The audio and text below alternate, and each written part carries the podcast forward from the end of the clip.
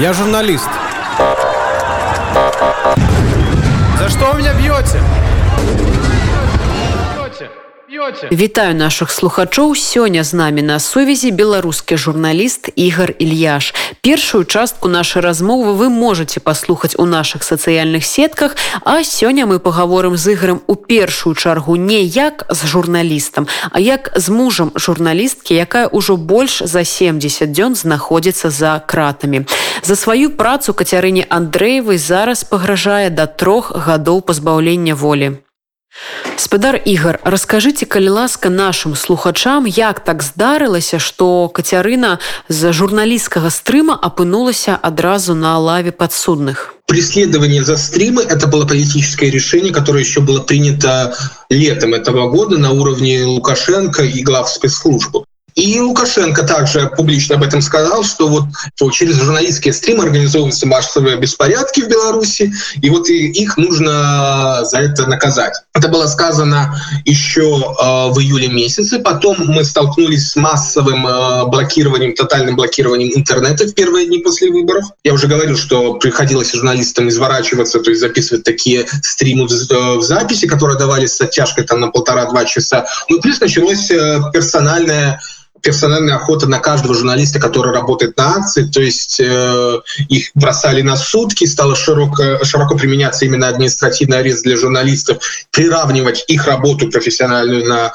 акциях протеста к участию в этих акциях и э, преследование, то есть их могли и задерживать и на самой акции, за ними могли приходить домой, за их могли там арестовывать в кафе, на улице, где угодно. То есть это было действительно такое э, создание невыносимых условий для профессиональной деятельности. Ну и ключевой момент был, конечно, сами стримы, потому что почему э, власти, в принципе, так боятся стримов, потому что, ну, когда записывается, например, какое-то короткое видео, даже э, с самими участниками, либо журналистами на месте событий, но короткое видео, то всегда же можно сказать, что вот мы не видим полной картины, не видим весь контекст. Мы видим, что бьют протестующего, а знаете, что он там делал до этого? Он, может, там чуть не убил ОМОНовца. Это можно всегда-то говорить. Когда идет стрим, когда идет живой эфир, прямой репортаж, что этого сделать невозможно. Ты, ты видишь картину от начала и до конца. Именно это произошло 15 ноября на площади перемен, то есть пришло о многочасовом стриме, когда все события, все это противостояние вокруг народного мемориала Романа Бондаренко, оно было показано от начала и до конца. Причем это показано было с 14 этажа, с окна квартиры на 14 этаже, то есть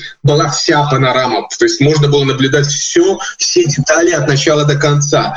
И это, конечно, и сам по себе стрим исторический, он войдет в историю журналистики. Ну и для спецслужб это был, конечно, была, конечно, такая пощечина, потому что много месяцев столько сил вложили для того, чтобы вообще убрать журналистов с э, акции протеста, чтобы не было никаких, не дай бог, стримов, и они этого, в общем-то, добились на протяжении стольких месяцев. Э, не было прямых, э, ну, таких классическом понимании стримов с акцией протеста. И тут они таком, скажем так, очень щепетильном вопросе к ситуации с убийством Романа Бондаренко, они получили стрим от начала до конца всех действий силовиков, которые вот просто уничтожили этот народный мемориал. Были столько людей, которые пытались его во дворе собственных домов вот просто защитить. И э, совершенно очевидно, что это было месть за этот стрим и показательное наказание, такой сигнал для всех остальных журналистов, что если вы будете пытаться вести такие стримы, если будете пытаться работать на акциях протеста, для вас это уже будет не просто административным арестом. Это 342 статья. Это в Беларуси полноценная аналог 58 сталинской, потому что это очевидно политическая статья, и она трактуется настолько широко. Э, людям предъявляют и судят, и садят, э, приговаривают к реальным срокам лишения свободы за то, что они ну, буквально ступили на проезжую часть. Вот и все. Э, этого хватает для того, чтобы квалифицировать их действия как грубое нарушение общественного порядка, если вот они ступили на проезжую часть, например, во время акции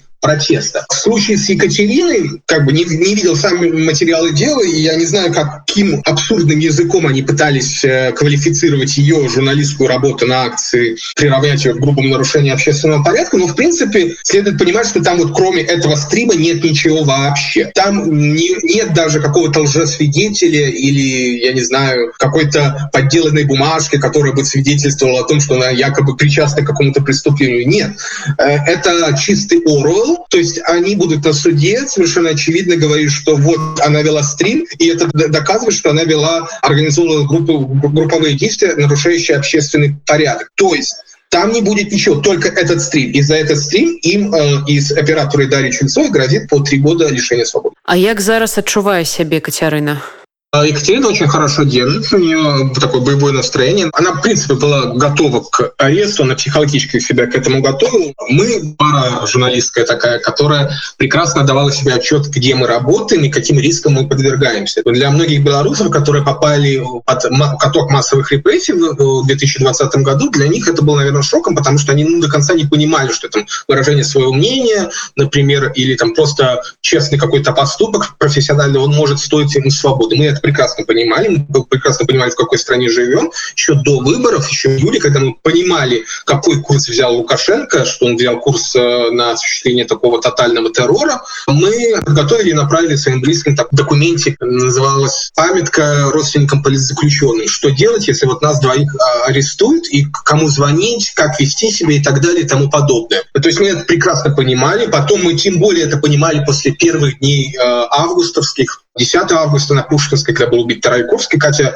получила легкую контузию, рядом с ней э, разорвалась э, светошумовая граната, ее спасали, в общем-то, от силовиков местные жители, они ее пустили к себе и дали переночевать. А, а я работал в другой точке города, на Риге, и я только ночью узнал, она жива, и что у нее все в порядке, она не смогла позвонить уже не со своего номера, а с номера вот этих э, людей, которые ее прятали. И потом она каждый раз, когда уходила, например, на акции протеста э, по воскресеньям, то она всякий раз это брала с собой этот тревожный чемоданчик, и она понимала, что мы с ней прощались и понимали, что вот сегодня она может не вернуться домой. И она же в августе, например, 72 часа она провела э, за решеткой, в, в сентябре 72 часа провела на Крестина. Тогда все обходилось, в общем-то, только таким минимальным, минимальным сроком э, задержания. То, что это может быть более серьезный срок, то, что это может быть уголовное дело, мы всегда, мы всегда прекрасно понимали и психологически себя к этому готовили. Поэтому для Кати это не было шоком. Она понимала, чем рискует. Это был ее осознанный выбор, и поэтому она в хорошей психологической форме находилась с самого начала.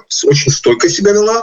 Она не просто не признает свою вину, она еще и отказывалась полностью от дачи показаний, что, кстати, тоже обсуждалось между нами до ее ареста. Мы проговаривали, что если нас арестуют, соответственно, по лживому фальсифицированному обвинению, то мы оба будем отказываться от дачи показаний вообще всех. Это такая известная тактика, на самом деле, советских диссидентов. Не давать вообще показания, чтобы помогать таким образом вокруг своих показаний выстраивать лживую версию следствия. То есть они могут каким-то образом обыгрывать твои же правдивые показания и выворачивать их наизнанку. Вот, то есть не давать им даже таких зацепок. Она сейчас держится достаточно бодро, как пишет вот э, в крайнем письме, она не ждет ничего, не строит никаких планов, не дает никаких прогнозов насчет того, что будет на суде. Она, в общем-то, готова абсолютно ко всему, но она верит, что в итоге все так или иначе у нас будет хорошо рано или поздно, и она, конечно, хочет продолжать работать в профессии, вернуться к журналистике после того, как она окажется на свободе. А на ваш погляд, чаго нам чакаць у бліжэйшыя паўгады?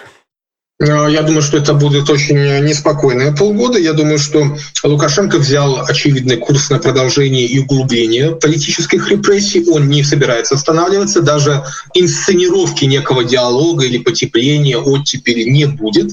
Это будет продолжение террора, безусловно. Тем более, что он понимает, что у него нет других рычагов э, воздействия на общество, нет э, других способов скажем так, подчинить себе волю обществу, успокоить его, потому что режим откровенно скатывается в экономическую пропасть. И я думаю, что и Лукашенко, и его спецслужбы прекрасно себе отдают отчет, что совсем скоро это уже станет ощутимо для каждого. И они боятся, что на этом фоне э, вспыхнут протесты, ну, как минимум, такого же масштаба, которого мы видели, который мы видели в августе как минимум, а то и больше, поскольку все-таки будет социальное еще тогда основание для этого протеста, то есть они могут еще и расшириться и углубиться. Э, в этой связи. Поэтому сейчас Лукашенко хочет, конечно, превентивно зачистить все, что только возможно, настолько напугать людей, настолько сломить их дух сопротивления, чтобы даже любая экономическая катастрофа не заставила их выходить на улицу. Но я думаю, что он сильно просчитывается, потому что не было еще э, в истории случаев успешного и долговременного, успешного и долговременного управления подчинения общества исключительно путем террора. Потому что, как сказал Наполеон, знаменитый афоризм, с помощью штуков можно сделать все, что угодно, но на них нельзя усидеть. То есть э, любой правитель, любой политик, даже самый жестокий и кровавый, он обычно использует комбинацию методов. На там, элементарном уровне это называется кнут и пряник. То есть ты, конечно, давишь, преследуешь своих оппонентов, например, как делают диктаторы, но при этом ты находишь некую там группу населения, которая становится бенефициаром твоей политики, причем достаточно широкую группу населения, не только своих там э, ОМОНовцев, силовиков и, в принципе, как-то меняешь э, ситуацию в обществе для, для того, чтобы все-таки сохранение статус-кво для больше, большинства людей было, ну, выглядело позитивной альтернативой.